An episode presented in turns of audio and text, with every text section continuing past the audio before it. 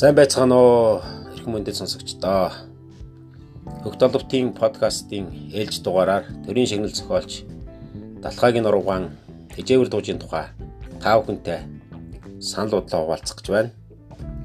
За миний би одоо подкаст хийлгүү нэлээд удлаа. А миний подкастыг бол одоо байнга сонсдог үнэнч пэнүүдтэй зориулж одоо энэ удаагийнхаа дугаарыг бэлдсэн юм аа.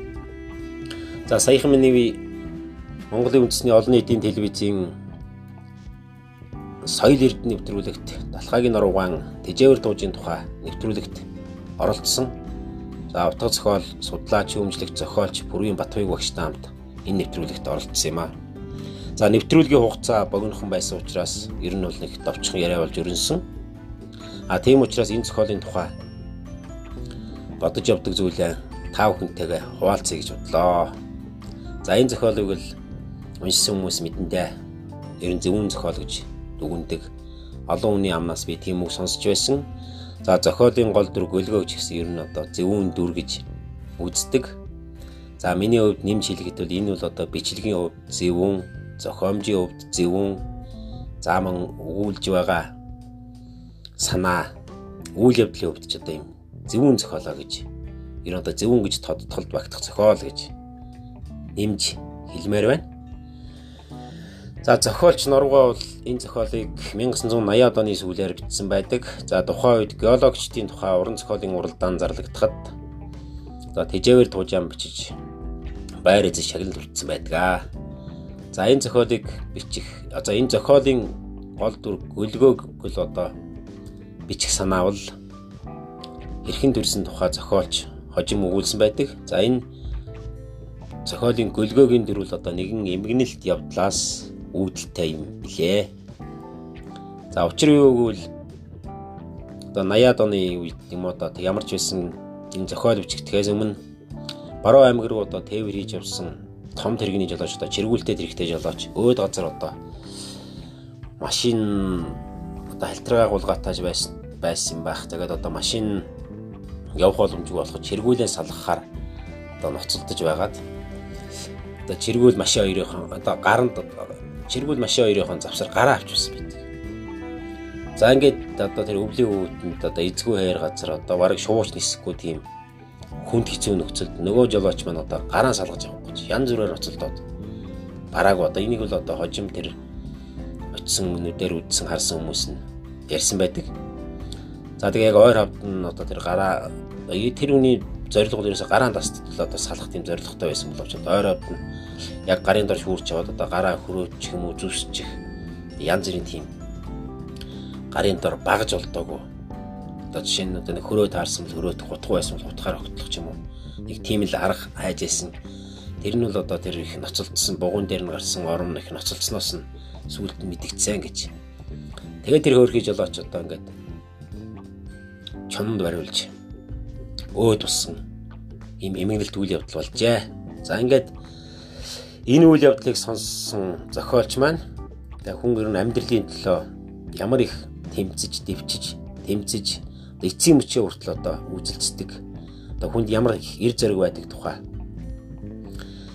Энэ жолоочийн тохиолдсон эмгэнэлт явдлаас улбаалan одоо гөлгөөгийн дүр тухайн үед одоо нэг иймэрхүү хүний тухай зохиол бичимсэн гэсэн санаа орж ирсэн байжээ.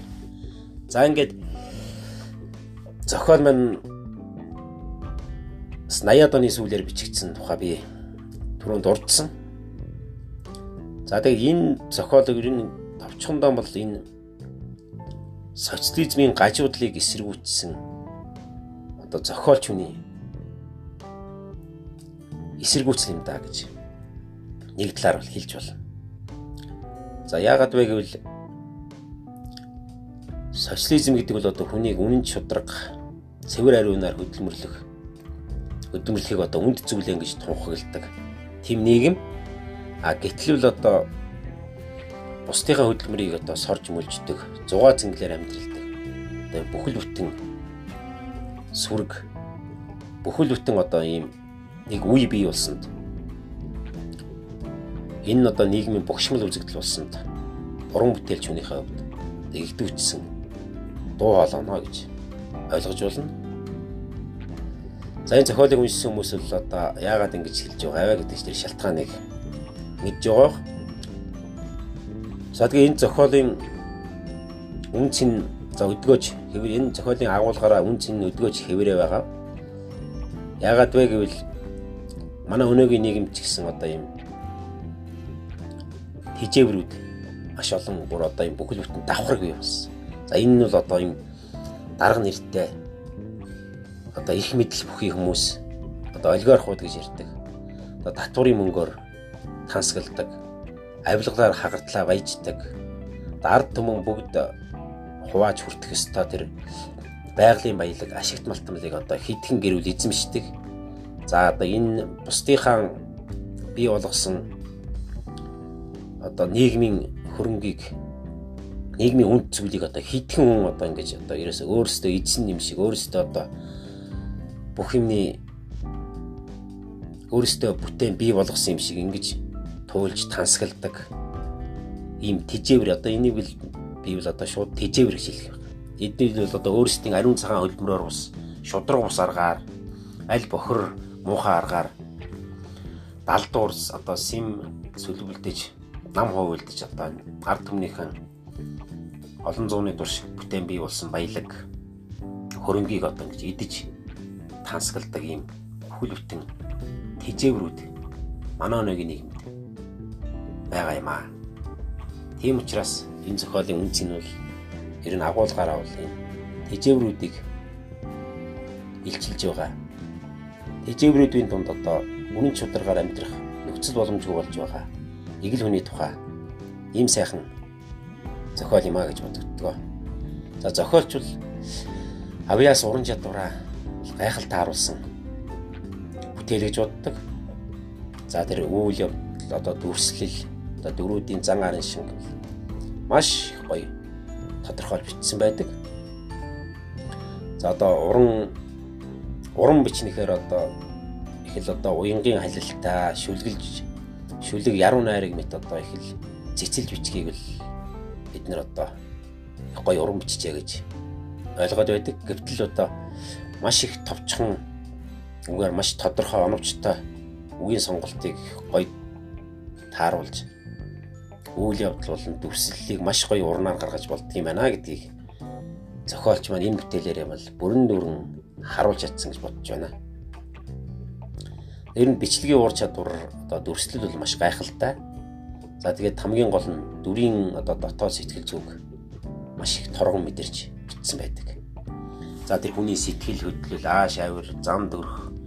За тэр нүүрний хувирал, хөдөлгөөн зэрэгээс тухайн ямар ааш авар гаргаж байгаа, яах гэж байгаа, байж баламгдж байгаа мó, гайхаж байгаа мó, эсвэл уурж бүхэмж байгаа мó гэдгийг одоо нэг олон нуршил тоочлохгүйгээр маш тодорхой гаргаж өгсөн байдаг. За түүнээс гадна бол энэ харилцан яриан дээр одоо цаад хүний хаан тэр одоо за сэтгэл хөдлөл тэр залд бодож байгаа бодол За тэгээд тэр хүний хаан ааш авир ер нь юу бодож байгаа, яах гэж байгаа, ямар авир гаргаж байгаа гэдгийг нь маш сайхан тийм богинохон зайд тэгээ үгийг оновчтой сонгоно гэдэг бол тэр дүрслэлийг маш тодорхой болгодог. Энэ зохиолд одоо үгийн сонголт бол одоо хамгийн түрүүнд маш чухал байдаг. Хүн одоо хичнээн уран сайхан усгаад одоо үгийн баялгаар зодж бичиж болно. А Гэхдээ үгийг оновчтой сонгоод маш товчхон бичих юм бол тэр нь хүнд ойлгомжтой гас гадна маш их сэтгэлд хүрдэг. Одоо яг үний юм гэдэг юм байдаг юм байна. Яг ийм байдаг. Яг ийм үйл явдал болж яаж гэдэг энэ хүн ийм байна гэдгийг одоо нэг хууц бүхэл бүтэн хууц уншиж ойлгохгүй 2 3 үгнээс тухайн нэг л тодорхойлоод авч болдог. За би зүгээр зарим нэг ганц хоёр нэг жишээ хэлж үзье. За жишээ нь намайг дуудагдаж ирэхэд ээж минь зовлонгоос нэг нь тагдсан байлаа гэж нэг юм өгүүлэг байх. За энэ бол одоо гөлгөө ингээд гадаад руу сургуульд явсан ойгур нь одоо ээж нь ингээд нас бараад эргэж ирсэн ирээд ирсэн тухай. Тэр хэсэгт эрдэл нэг юм намайг дуудагдаж ирэхэд ээж минь зовлонгоос нэг нь тагдсан байлаа. Энэ нь бас маш гайхамшигтай өгүүлбэр шүү дээ. Зовлонгоос хагцах, зовлонгоос үхлээр хагцах гэдэг чинь юу гэсэн үг вэ? Энэ бол одоо гэлгийг гөлгөөгөө хичнээн хүнд хэцүү зовлон туулж байсныг ерөөсө тэр ганц өгүүлбэрээр л илэрхийлж байгаа. Одоо тэр хүнд бол үхэх нь харамсалтай боловч одоо зовлонгоос гítэлж байгаа.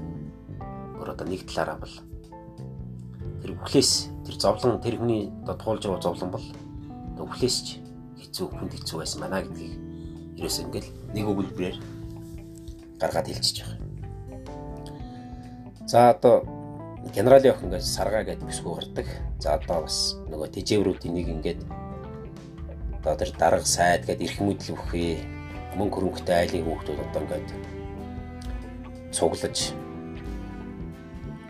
наргид цэнгэж одоо тэр тухайн үед ийм хориотой байсан одоо порнобчлыг үздэг.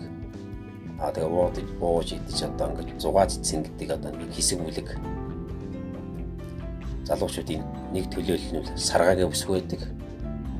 Тэгээ саргаа бол одоо өөр ингээ хүн гаднаас нарахад ингээ генералын охин одоо ганган нэгжин увцнсдаг. Юугаарч дутаж буцахгүй.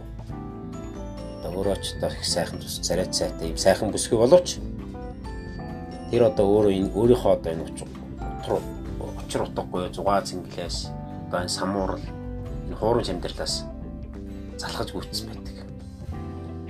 За тэгээд энэ өөрийнхөө энэ дотор оршиж байгаа энэ сэтгэлийнхаа зовлонг, сэтгэлийнхаа шаналлыг одоо гөлгөөтөө цуг ингээд сууж явахдаа ярьж ингээ өөрийгөө уудалж онгойлгодог. Яг тэр хэсэгт бол саргаа нулимстай арх хууж байлаа гэсэн нэг л өгүүлбэр байна саргаа нулимстай архиуж байл.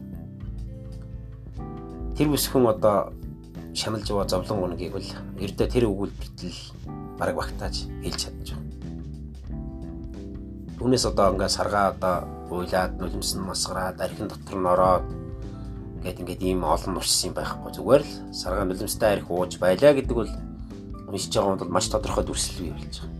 Тэр бүсгүй одоо үнэхээр тэр өөрт өөрийнхөө тухай зов чаналж яваа юм аа ингээд сэтгэлээ уудалж гөлгөөд яриад одоо тэгээд ингээд өөрийн мэдлгүй уйлаад ингээд ууж байгаа ингээд хундахтаа тавьчихсан архинд нь болимсон туслаад орж исэн байна. гэж ийм дүрслэл хүний сэтгэлд шууд буух жишээ. За энэ зохиолын одоо гол дүр одоо гөлгөө гэж баатрын маань хайртай болсон бүсгүй. Цэнгэлийн тухай одоо гөлгөө биеийн бүсгүүтэй суух уу яах уу гэж одоо тийм нэг эргэлзээнд орж бодож байгаа. Үнэхээр ингээд сэтгэлээсээ дурлцсан. За цэнгэл бол гөлгөөгийн хадам аав за дайх одоо туяагаад өсвий бол тэр галагийн одоо сайд одоо тэр том алам тушаалтны охин. За тэгээд туяатай юм ч гэсэн нэг хуурамч үерхчээсэн учраас одоо хадам аавна гэж тухайн үедээ зохиолд хадам аавна гэж гардаг одоо өөрөө гөлгөөж гисэн миний хадам аав гэж одоо ярьж бичдэг. За тэгээд цэнгэл бүсгүй бол тэр сайд одоо цэнгэл бүсгүйд одоо өнгөж 16 ах настай охин байхад нь одоо өөрийнхөө дэргэд аваад одоо үйлчлэгчээр ажилд аваад тэгээд тэр бүсгийн залуу нас говц гэслэн хамаг юм одоо хамж шимж тэр бүсгүйг одоо сургууль сургаж ажилд оруулж байр авч өгч мөнгө хөрөнгөөр дитгэж За тэр үтгээл бүр сүлд нь одоо нөхөр хүртэл авч өгдөг. Тэгээд тэр хүн бол одоо ингээд өөрийнхөө иргэшээлд бүрэн оруулсан. За энэ амьдралдаа цэнгэл бүсгүй бол маш их гутарж, гунж үний эрхэнд орсон амьдралдаа эхэндээ залуу насандаа бол энийг бол одоо их сайхан ад жаргал гэж бодож явсан боловч амьдралын мөн чанарыг мэдээд ирэхээр хүний иргэшээлд одоо амьдрын гэдэг хөгшин хүний одоо хайр сэтгэлгүй тэр хөгшин хүний өвөр твтэн гэдэг ямар хүнэгтэй зүйл болохыг ойлгоод би яг одоо энэ аквариумд байдаг загас шиг амьдарч байгаа юм байна. Энэ аквариумаас гарах юмсан, өөрийн эрхчлөөгөөр явах юмсан гэсэн тэр бодол хүслээ гөлгөөд ярьдаг. За тэгээд тэр гөлгөөгийн тэр бодож байгаа хэсгийг бол ингэж дүрслэн хэлсэн байдаг. Тэр бол амтд балыг нь зөвгийн шимж, үнд тоосыг нь ирвэхээ зөөч гэсэн цэцэг юм харахад тансаг сайхан цэцэг. Ердөөл нэг юм хоёр өгүүлбэр байна. Богинохон хоёр өгүүлбэр. Харахад тансаг сайхан цэцэг. Гэвч тэр цэцгийн бол одоо амтд балыг зөгийн шимж үнд тоосыг нэрвэхээ зоч гисэн. Одоо нэг өсөнтөө одоо хиймэл цэцэг одоо цаасан цэцэг шиг. Нэг харахад нэг гоё цэцэг боловч тэнд одоо ямар ч үнд зүйл байхгүй юмсан. Гэж одоо энэ хөгшин сайдд одоо залуу насныхаа шим сүсийг шүүсийг сурулсан үзэгсэн төсгүй. Цэнгэлийн тухай бодож суудаг. За иймэрхүү маягаар ер нь маш их олон гой гой дүрслүүдийг бол хэлж болно.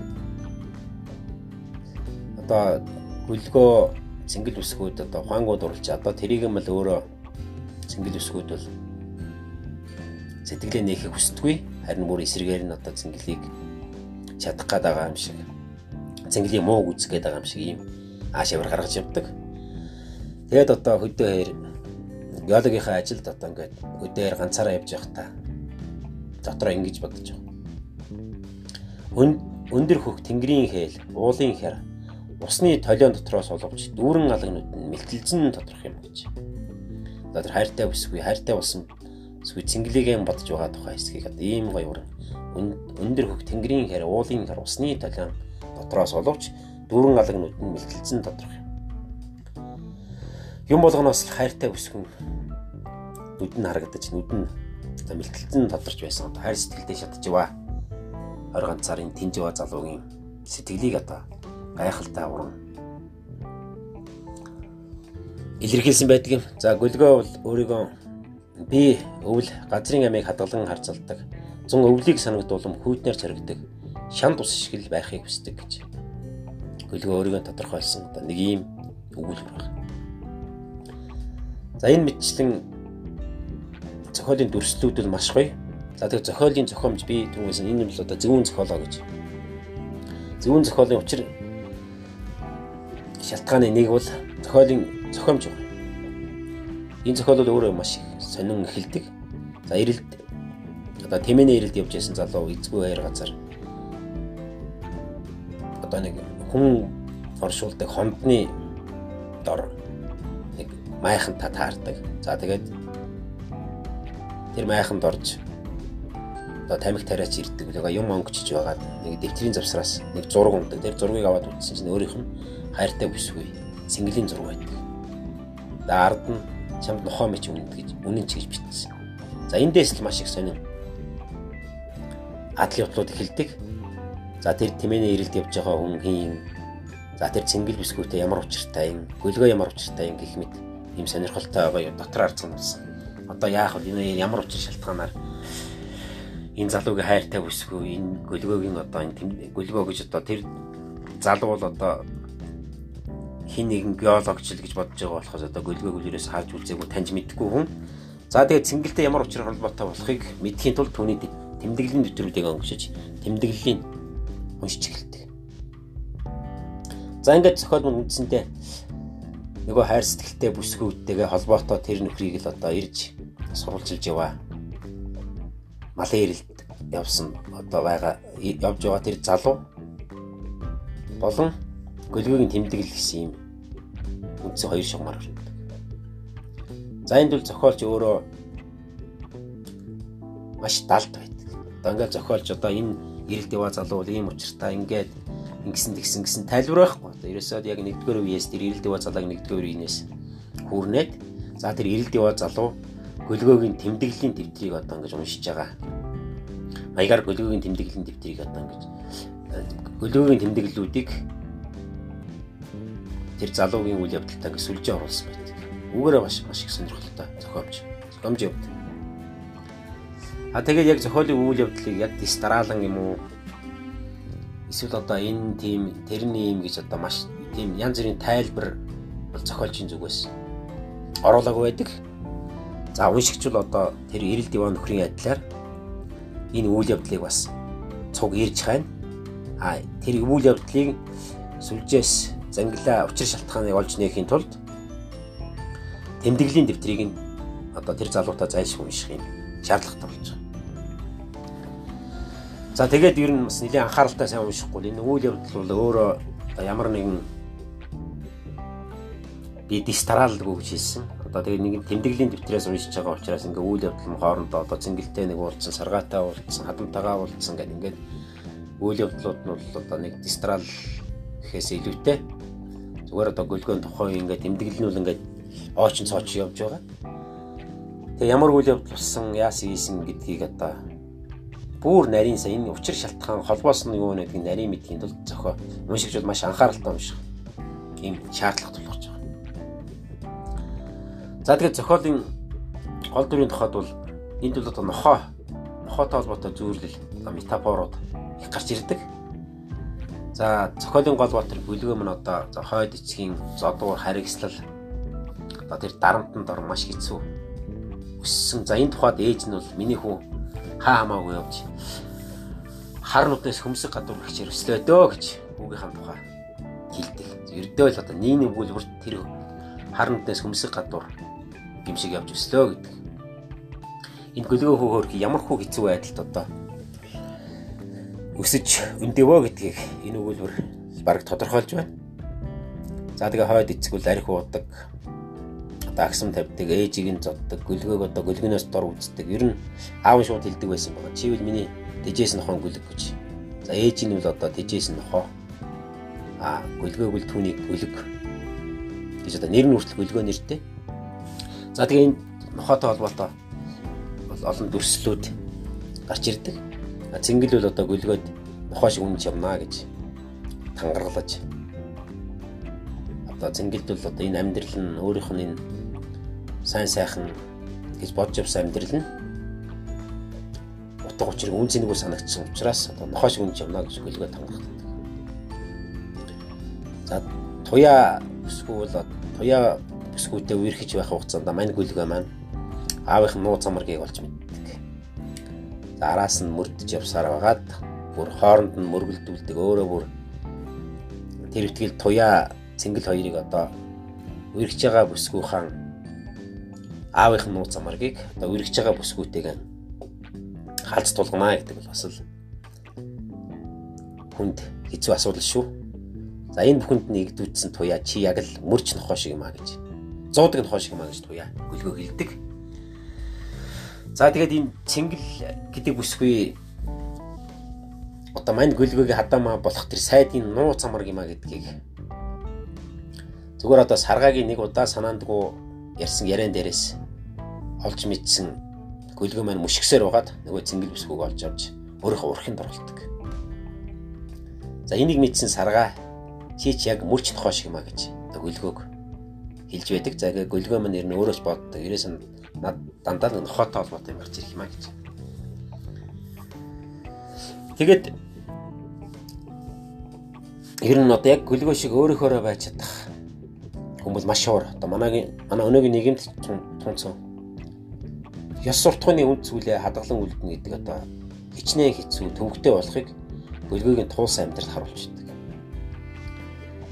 За нь яг өөрийнхоороо байж чаддаг.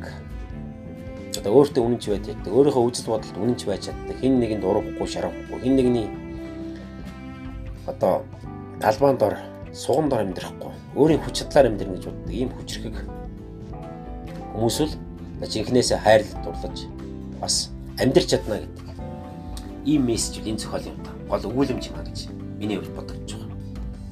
Хүлгөөм хэдийгээр одоо энэ яг өөрийнхөө өөрөөхөөрөө байх гэсэн, шудраг байх гэсэн өөрийнхөө үжил бодолд үнэнч байх гэсэн, өөрийн чадлаар амьдрах гэсэн энэ зангаас авч одоо олон хүн дад үзэгдэж. Амьдрал нь буруу тийшээ эргэж байсан боловч тэр өөрийнхөө этик, ёс суртахуун, мораль, мөн чанар тэр юм аа гээхийг хүсээгүй. Яг тэр чигээрээ л үлдэхийг хүссэн. За тийм учраас ийм хүмүүс одоо жинхнээсээ хайрлал дурлаж бас амьдрч чадна гэж хэлж байгаа юм ийм учиртай. Гөлгөөд одоо сайдын охинтой сууж сайхан ажил төрөлтэй болж тансаг сайхан амьдрах боломж алган дээр нь л байж байгаа. Одоо нөгөө аманда орсон шаардсыг хэлээр хөдөлгөн гэж. Гэвч гөлгөөд бол яг өөрийнхөө амьдрах, өөрийн хүч хүч чадлаар амьдрах, шудраг амьдрах. Гол нь шудраг байх гэсэн нэг тийм үзэл санаа өөрийнх нь амьдралын одоо яг гол зорилго, философи. За яг энэ шудраг байх, өөрийнхөө байх гэдэгтэйгээ өөрийнхөө ингэж амьдрахын тулд маш хэцүү юм сэтгэл санааны зөрчилд орж байдаг. За энийг бол одоо зохиолд бол маш тодорхой дүрслэн харуулсан байдаг. Одоо зохиолыг уншиж байгаа хүнд бол гүлгээ бол одоо нэг ястан нэг нохоо санаатай нохоош гэх юм тагж бодогдохоор за нэг хүнийг чадах гад байдаг. Нэг хүнийг үзэн ядаад байгаа юм шиг, хүнийг хорлох гээд байгаа юм шиг, хүнийг чадах гээд байгаа юм шиг. Ийм аашарын шин гаргаад байдаг. За энэний учир шалтгаан бол гүлгөө маань ерөөсөө яг өөрөөхөө дисч дэвчиж одоо тэр тижээвэр тэр хуурамч баг зүйлсэн хүмүүсийн донд өөрөөхөө үлдэхийн тулд инкээс өөр арга байхгүй. Ингээд дэрсэж байж л өөрөө өөрөөхөө одоо өөрийгөө авчих гарна гэж бодсон байдаг. Тэгэхгүй тэр идийг одоо аялдан дагалдах юм уу?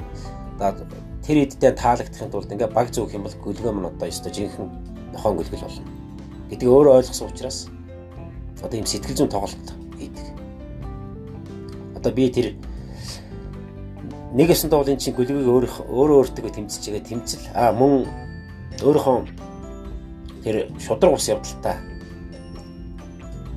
тэр хуурамч баг зүүсэн тэр хуурамч нөхдүүд байгаа хүүхдүүдтэй тэмцэж байгаа тэмцэл нь бол одоо тэднийг чадах тэднийг мухардуулах тэдний хүн цохилтонд оруулах тэднийг гимшүүлэх одоо ийм сэтгэл зүйн тоглолтууд. За анхандаа хөлбөөгийн зан чанар одоо үерхжсэн, найзалж байсан нөхдүүд нь бол таалагддаг. Гэвч хөлбөөгийн маань одоо ууггүй оролдлого а тэдний одоо зүг хийж байгаа энэ одоо сэтгэл зүйн дайралт дал товтлогоо амжилттай болсон учраас ер нь одоо тэр зохиолын бааtruуд одоо ийм гимшил энэ болж өтөхгүй амьдарч байна гэж дотроо бодвч гаднаа ил гаргадаг тэр юмнууд одоо ингэж тесэрч гарч ирж байгаа ийм үзэгдлүүд байдаг. Одоо жишээ нь саргаа бусгүй одоо ингээд зовлонгонд очоод би одоо цааш ингэж амьдрмаар байна. Гэт өстө нөгөө нулимстай арх уудаг ийм хэсэг байдаг. За цэнгэл бүсгүй ч гэсэн одоо өөрийнхөө амьдралыг ерөөсөө ийм акромдогоо алтан загас яг шиг юм одоо. Үн чинь нөгөө бусдын зугаа цэнгэл болж бусдын одоо эд бараамт ингэж амьдарч байгаа одоо утарч хунаад тэрэндээ гимшээд амьдралаа өөрчлөхөр шийдэж нөхрөөсөө салаад ор сургах алгуулт 5 жил суусан нөхрөөсөө салаад Орос руу гал. Уг нь бол цэнгэл маань өөрөө инженер үйлдвэрийн дарга ийм цалин хангам цайтай байр савтай за нөхөр нь одоо бас эрдэм шинжилгээний ажилтан нийгэмд байр суурь ажилласан юм хүмүүс Тэгээд одоо ийм сайхан одоо өнөөдрийн нийгэмд одоо хүсээд олдсон ийм сайхан нийгмийн өндөр байр суурьнд гараад тэрийг нэг л өдөр юу ч болох гэж одоо аян гүнт нэр гэж нурааж хийнаа гэдэг бол одоо хүнээс яг тийм шийдвэр гаргах нь үүндээ одоо байж боломгүй юм хүнд хэцүү. Шийдвэр а гэвч гөлгөөтэй учирсан уулзсан гөлгөө та одоо ярилцсан сэтгэлээ онгойлгосон. Ер нь тэгээд амьдрал ямар байх тухай? Өөрөө яаж амьдарч ирсэн тухайгаа эргэцүүлэн бодоод цэнгэл маань одоо ийм шийдвэр гаргадаг. За ингээд ер нь зохиолын дөрүүд маань хоорондоо зөрчил зөрчилдөж явсаар ер нь цаашид хэн хэрхэн яах нь ер нь тодорхойгүй байх гэдэг бас зохиолын нэг гоё чанар л да. Ер нь зарим зохиолыг ингээд уншихад бол баг нэг ихний хэдэн уудс уншаад энэ зохиолын төгсгөл нь тодорхой, цаашд өөр нь үйл явдал баг тодорхой байдаг. За энэ энтэйгээ муудалж явж байгаад за энтэй сайн болоод ингээд нэг дундуур нэг хүн орж ирээ. За ингэж жоохон маргаан хилцэн үл ойлголцол болж байгаа эцсийн эцэст энэ хоёр нь ингэ суунаа амьдрнаа гэх юм одоо маш юм тодорхой зураглалын тодорхой зохиолууд байдаг. За энэ бол мэдгүй одоо над миний хувьд бол одоо би ер нь бас юм бүх юм тов тодорхой байхад бол гिचний адал явдал өрнөс бүх юм тов тодорхой байхад бол надад зохиол сонирхолгүй, урамгүй. Үн цэнэгүй санагддаг. За тэжээвэр туужийн тухайд бол яг энэ зохиолын бат руу яатаг гэсэн нь бол тодорхой бас бүрхэг. Одоо саргаан хинтээ суух юм. Одоо цогтойгоо гөлгөөгийн одоо ахлах мэрэгчлэн байсан тэр залуу одоо хинтээ суухын туяа яахын цэнгэл юу болохын энэ зохиолын баатруудын хувь заяа маань тодорхойгүй. Ер нь зохиолчдын ярианаа сонсож байхад зохиол нэгэнд бичигдсэн бол зохиолын баатрууд зохиолчийн мэдлээс гардаг. Аа өөр өөрсдийн хувь заягаар амьдэрдэг гэж. Мундаг зохиолч бичсэн байдаг. За энэ бол магадгүй тэр далд ухамсар дотоод оюун бэлэг. Тэр зохиолд оролцож байгаа. Тэр зохиолчоос гарч байгаа тэр зүйлүүд одоо зохиолч одоо өөрөө би энэ дүрийг ингэн энэ дүрийг энтэй суулгана энийг салгана гэж анхандаа төлөвлөдөг боловч зохиол үчих явцад зохиолын амжилсан дүр гэдэг бол өөр өөрийгөө хөдөлж өөр өөрийнхөө хувь заягаар явдаг аа гэсэн ийм яриа байдаг. За би энийг бол магадгүй их үнэн байхаа одоо яг ингээд зохиол ичдэг хүмүүс хүмүүсийн хувьд яг тийм тохиолддог байх гэж боддог. За тэгээд энэ зохиолын тухай ерөн цааш нь дэлгэрүүлж яриад ах юм бол одоо мунтахгүй их урт. Яриа болно. Достоевскийн Подоросток гэж романыг манай нийт орчуулагч Гомсронгой хүүн зэ гэж орчуулсан байдаг. За энэ бол одоо өсвөр насны нэг 18 19-т настай ийм өсвөр насны залуугийн тэмдэглэл, бодрол, хүүрнэл, монолог маягаар бичигдсэн юм зохиол. За энэ зохиолын баатар бол одоо ботож хүүхэд гэх нь хааш юмтай одоо хууль ус хүүхэд хамжлагын эзний хүүхэд. Хамжлагын амжилгынхаа одоо зарц барлаг хүүхэнтэй. Амжилгын эзэн маань. За нууцаар нууц амаргийн холбоо үүсгэх. Нууц амаргийн холбоо ч гэдэг одоо ямар ч байсан тэр хүүхэнтэй. Нийлж нөхцснөөс. Тэр зохиолын Голбаатар залуу төрсэн байдаг.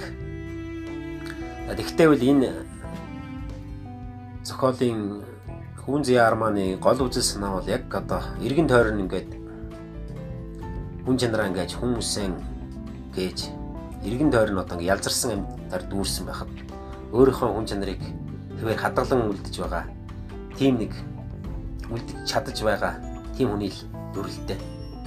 Тэгээ яг энэ гөлгөө бол бас тэр Достоевскийн тэр зохиолын баатартай өстөө санагддаг. За эргэн тойрон ингээ худалч хуурамч баг зүүсэн хүмүүсээ дүүрч бусдад одоо сайхан харагдах гэж бусдын нүдэнд л одоо сайхан харагдаж ад жаргалтай байвал болоо гэсэн тийм бодол та. Амьдралынхаа сайн муу сайхан муухай юмыг одоо ингээд хуурамч дөр хуурамч багаар халахалсан. Ийм хүмүүсийн дунд яг үннээрээ үлдэх өөрөөхөө байх гэдэг. Хичнээн хүнд хэцүү вэ гэдгийг гөлгөөгийн дүр харуулдаг. За манай нийгэмд гөлгөөш хүмүүс байн зөндөө бий.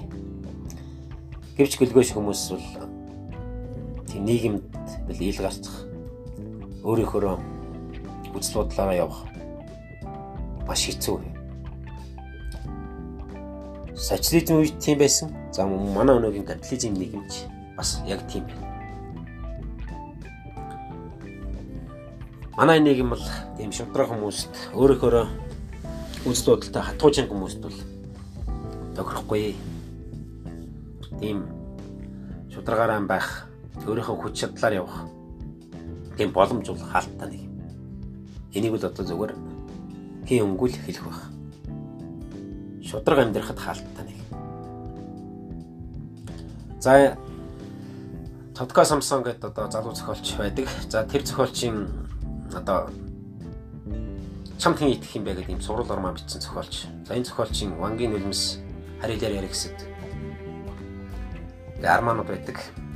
За ялангуяа Вангийн нулимс арманыг уншиж байхад манай өнөөгийн нийгэм бол хаалттай нэг шудраг хүнд хаалттай хориотой нэг энд бол шударгаар бол амьдарч болохгүй нэг гэдгийг бол тэр зохиол тэр арманд бол одоо барим бодлоготой маш тодорхой харуулсан байдаг. За одоо Тодко Самсоны сүрэг гэдэг арман тун утахгүй хэвлэгдэн гарах юм байлаа энэ арман бол ингээд ер нь одоо хэвлэлтийн хажиж шилжсэн баг гэж бодож байна. За ямар ч байсан би энэ арманыг бол их хүлээж байгаа. За Монголын нийгэм энэ муу муухай юмыг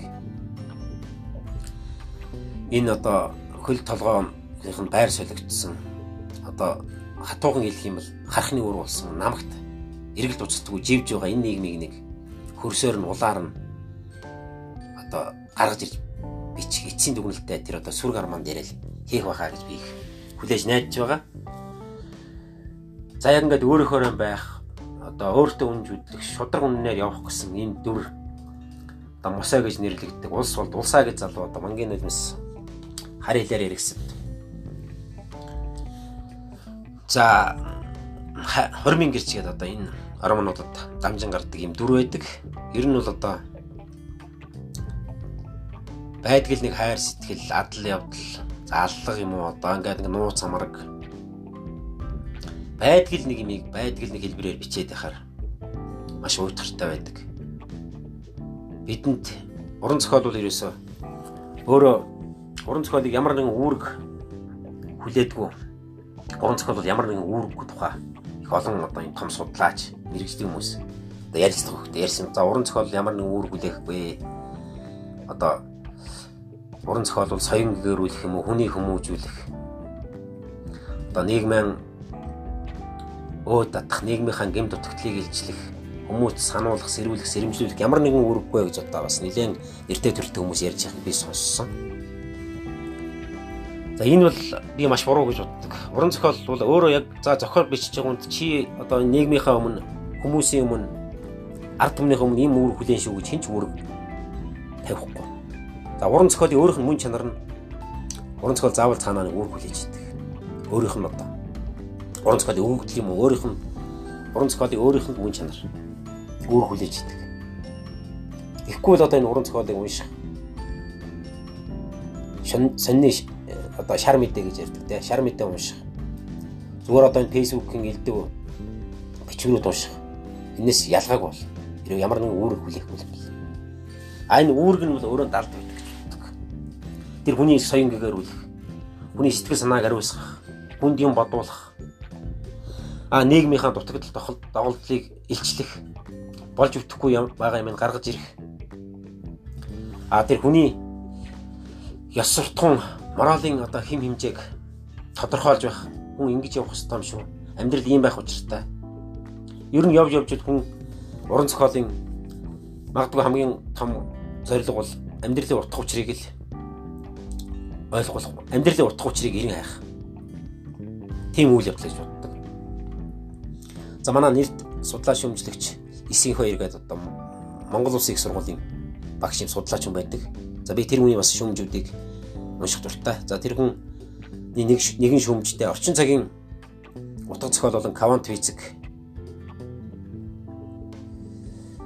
одоо шашин за тодорхой хэлбэл буддын шашин гурав бол маш их ойртон айлсж байгаа тухай нэгэн шүүмжтэй бичсэн байдаг. Үүний учир шатхан бол ердөө л ертөнцийн зөв тогтол зөв тогтлыг олох эрен хайх. Ертөнцийн зөв тогтлыг олох ертөнцийн түгээмэл нэг зөв тогтолтой байна. Тэр зөв тогтлыг олж нээж илрүүлэх гэдэг маань ерөөсөө амьдралын утга учирыг олох гэсэн үг. Ерөөсөө уран зохиолын одоо явж байгаа хандлага чиглэл маань одоо ч гэсэн тийм байна. Өмнө ч гэсэн тийм эс. Амьдралын утга учирыг л олж нээх хүн гэж юм чи амьдраад хайрлаад дурлаад идж уугаад нийгэм байгуулад бие биенийг алж шатаад эсвэл хайрлаад дурлаад янз бүрийн хийж бүтээгээд ингээ амьдраа яваад байна. Энийний цаана утга учир нь юу байгаа юм байл гэсэн. Энэ бол одоо философи ирэл хайгуулч байсан. За уран зохиолч зохиолын ирэл хайгуул уран зохиолын одоо өөрөө зорж яваа алсын зорилгоч тийм гэж би боддог. Социализм үед яг уран зохиолыг одоо үзэл сурталын хэрэгсэл гэдэг үүднээс ашиглаж одоо намыг магтан дуулах, социализмын одоо сайн сайхныг магтан дуулах, намцгийнхаа хийж хийж байгаа ажлыг магтан дуулах гэсэн ийм үзэл санаа, ийм зорилго байсан. За яг энэ үл ингээ цаг үетэйгээ өнөөдөр өнгөрч арт хоцорсон байна. За гэхдээ тэр уран зохиолыг үүргээс одоо аягаад имээгээд одоо уран зохиолыг үүрэггүй Зүгээр уран зохиол бол зүгээр хин дуртай нь бичээ, хин дуртай нь уншаад ингээ явж яадаг.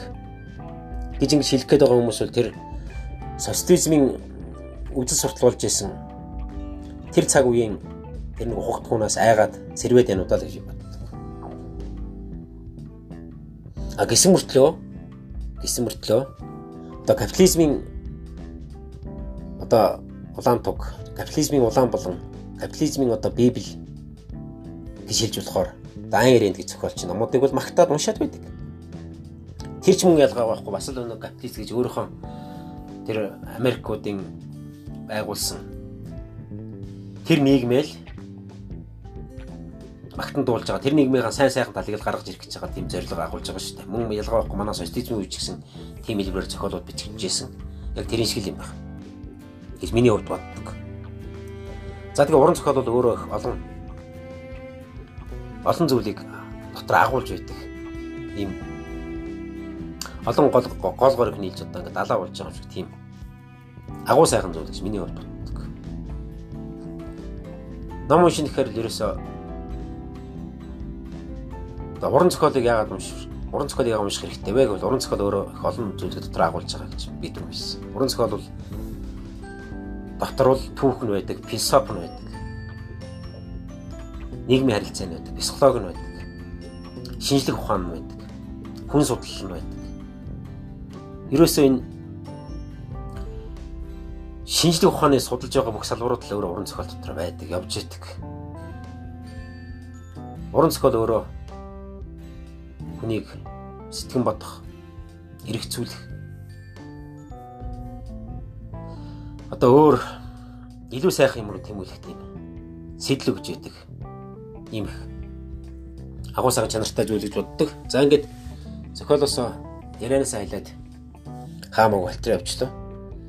За тэгээд төгсгөлд нь хэлэхэд энэ зохиолыг уншсан хүмүүс нь дахиж нэг уншаарай. Уншаагүй хүмүүс нь уншаарай.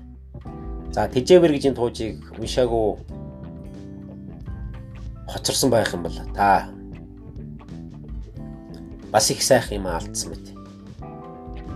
Тим харуулсал хожим төрөх үедээ гэж би бодож байгаа. Энэ бол одоо уран чадварын хувьд, бичлэгийн хувьд, төрсөллийн хувьд, за зохиолын агуулгын хувьд диалог энэ бүх юмараа л одоо маш их сайхан гоё. Би нэг гартаа мөрөг шиг сайхан зохиолоо гэж. Хэлсэн товчондоо хэлбэл одоо сайхан гартан мөрөг шиг. Бүх юм ингээ сайхан тэнцсэн. Бүх юм нь илүү дутуу юм уу? Хүн уншихад маш их сонирхолтой өгөөч та бас дотроос нэг юм загтуулдаг юм бодуулдаг. Маш юм гоё ганган зохиолоо за тэгээ энэ тижэмэр тижэмэр тууж маань тагтаа эвлэлийн газраас эрхлэн гаргасан Оргон шилмэл бүтээлийн чуулган гэх тэр номд энэ тууж бас 2 3 тууж өгүүлэлгүүд багтсан байдаг. За тэр Агтай авилын газраас эрхлэн гарсан Дижээвэр одоо Нурван шилмэл бүтээлийн чуулган номыг авч уншаарай. Юуны дөрөнд одоо энэ Дижээвэр дууж уншаарай.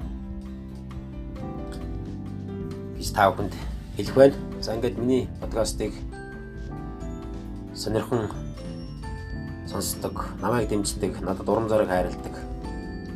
Үнэнч байнуудтай маш их баярлалаа гэж хэлье. За миний би одоо утга зохиолоор уран зохиолын тухай ном намын тэмдэглэл одоо эргэцүүл эсэ шүүмж одоо янз бүрийн хэлбэрээр бичиж өдөө хөрлөө. Тэгээ цаашдаа ч гэсэн одоо нэгэнт одоо утга зохиолт хайртай хувьд олон ном уншсаны хувьд одоо номын тухай буулыгаа бүлгэм ажилуулж байна. За одоо ингээд бас утга зохиолоор өөрийнхөө боловсролыг одоо дээшлүүлэе гэж зорж тэмүүлж яваа. За ингээд соёл урлагийн их сургуулийн багш доктор Батбаяг багшийн одоо уран зохиол бичих ур чадвар болон одоо шүүмж бичих арга зүйн тухай 3 сарын сургалтанд суухаар бүртгүүлсэн байгаа. Цаашдаа утга зохиолын чиглэлээр бас өөрийнхөө боловсрол мэдлэгийг дээшлүүлье. Одоо утга зохиолын судлал шүүмж чиглэлээр одоо номын дуу сонсъё, өөрийгөө боловсруулъя. А тэгвэл одоо илүү их өрөвдөлтөй, илүү чансаатай юм их болов гэж зорж бодож байгаа. За ингээ тав хүндээ анхаарал сонсон тав хүндээ баярлалаа. Дараагийн дугаар иргэн уулзтал баяр таа.